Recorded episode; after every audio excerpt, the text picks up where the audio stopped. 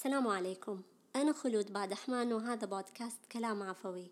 هذا البودكاست خاص جدا جدا جدا لأصدقاء خلود. هذه الحلقة فيها من كل شيء. قصص شخصية آراء أفكار نظرة ناقدة.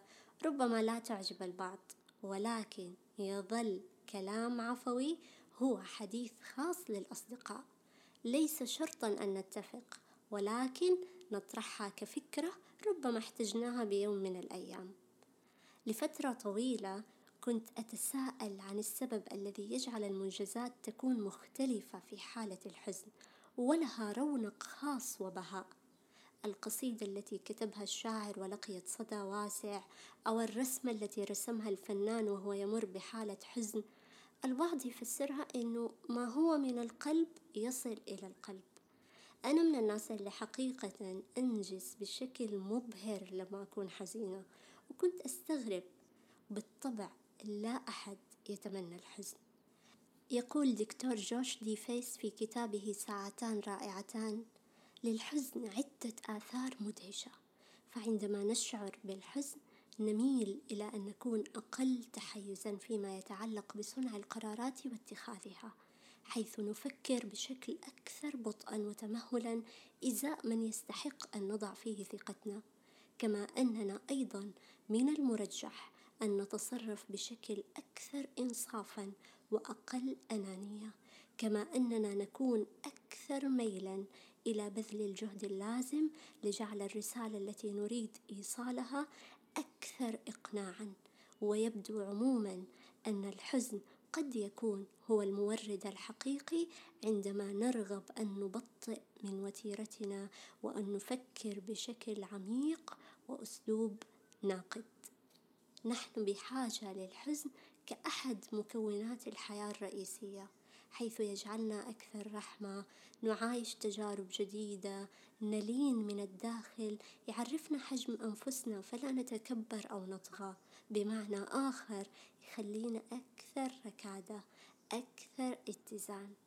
للتجارب الحزينة سمت يظهر على صاحبها كسلوك وكفكر وشعور حتى بعد أن تعيش التجربة تبقى حذرا لوقت. كثيرا ما أخبرتنا والدتي أن يكون المرء محل غبطة الناس أفضل بكثير من أن يكون في موضع رثائهم لحاله وشفقتهم عليه وهذا ما أؤمن به. أتأمل كثيرا في طريقة بث الناس أحزانهم في مواقع التواصل الاجتماعي. أتساءل باستنكار. كيف يجعل القريب والبعيد يعرف عن حالة حزنهم؟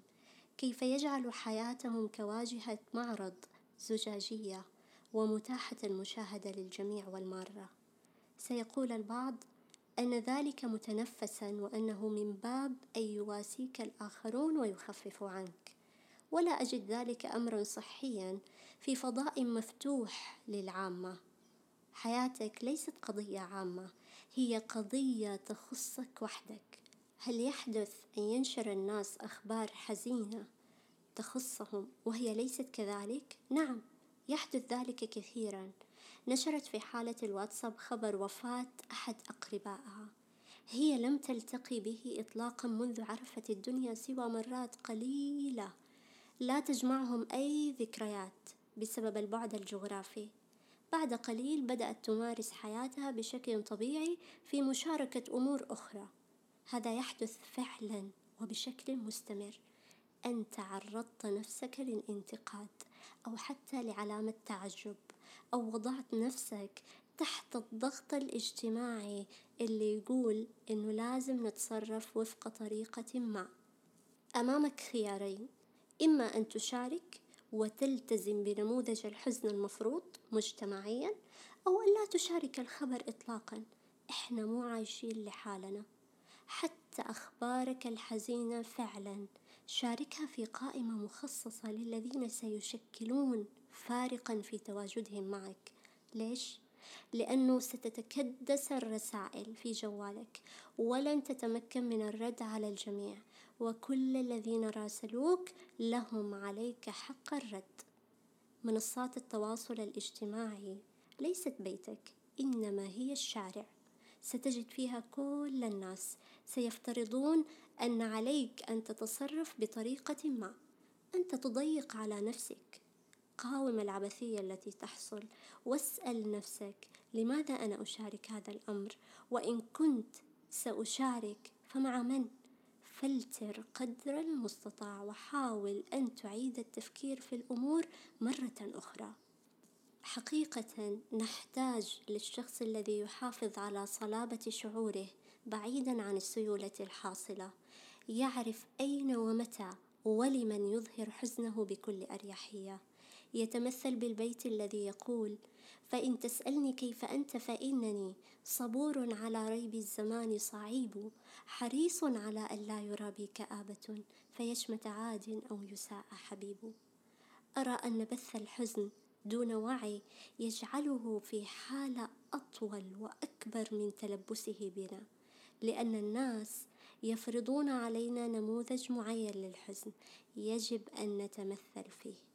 فحين تحزن عليك أن تتصرف بطريقة معينة ولا يوجد سواها أن تنكفئ على ذاتك وتتوارى عن أي نشاط مهني واجتماعي وأن تصبح كئيبا جدا وأن لا تقاوم حزنك وتسارع الخروج منه بل تعيشه بكل ما فيك. قبل أعوام تحدد موعد عملية لوالدتي. صادف نفس اليوم اللي كان عندي فيه دورة تدريبية. في الصباح وقبل ما تخرج ماما للمستشفى أخبرتها بأني سأعتذر عن الدورة. رفضت بشدة بحجة أن لا شيء سأتمكن من فعله. بالفعل ذهبت وألقيت الدورة وكانت ناجحة ولله الحمد.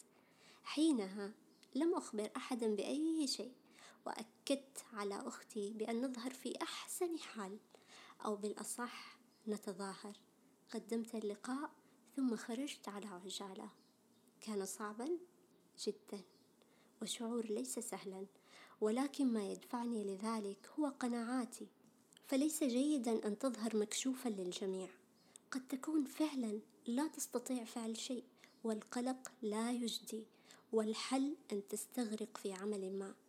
إن كان يقينك يقول بأن الأمور ستؤول إلى خير فلا داعي لأن تنقل لك عدوى القلق من الآخرين. مهما كان أداؤك رائعا لن يراه الآخرون كذلك إن أخبرتهم بمشكلتك وأيا كانت المشكلة.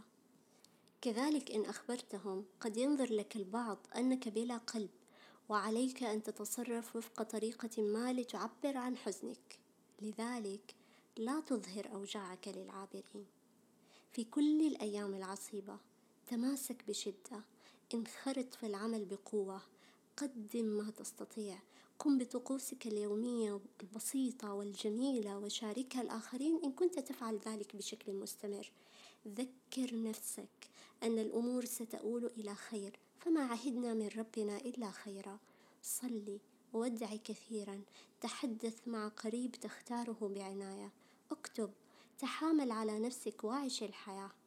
أعرف أنه ليس سهلا أن تقاوم ليبدو كل شيء على ما يرام وتفكر كيف لا تنتزع المشكلات يقينك وأملك بالله.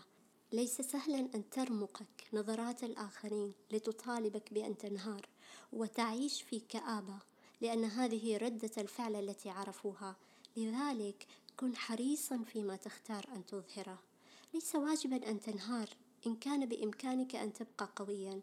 بالأصل خيار الانهيار ليس متاح دائما. بالذات إن كان هناك من يتكئ عليك. أحبب أن تكون قويا. أحبب شعور الطمأنينة مهما كان الموج عاصفا. الأمل اليقين وأن تنجح في هذه الاختبارات البسيطة. أن تربي نفسك. دوما على أن الأمور ستؤول إلى خير وأن تكون في غالب أمرك المتكأ لا أن تكون المتكئ. هذا ينطبق على ما يمكن تجاوزه من حزن لأن هناك أحزان تنتشلنا بقوة ورغما عنا ولكن أن تربي نفسك في أبسط المواقف هذا يجعلك أكثر قوة. وأكثر جلدا وتحملا. وهذا ديدن الحياة. لا تكن سهل الانهيار. وتماسك كل ما استطعت. فالأنفة وعزة النفس لا تقف عند عدم الأخذ حتى في أن تظهر متماسكا.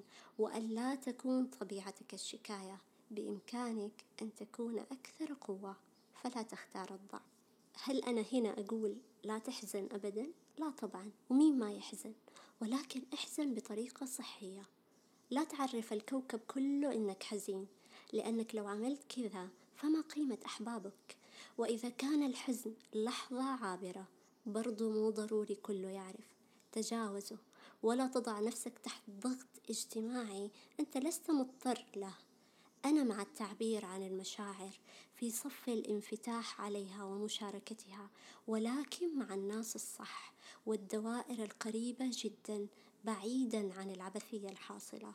يظل الأغراب أغراب والأحباب أحباب ولكل مكانه ومكانته. لا تخلط الحابل بالنابل ثم تضيع الحياة.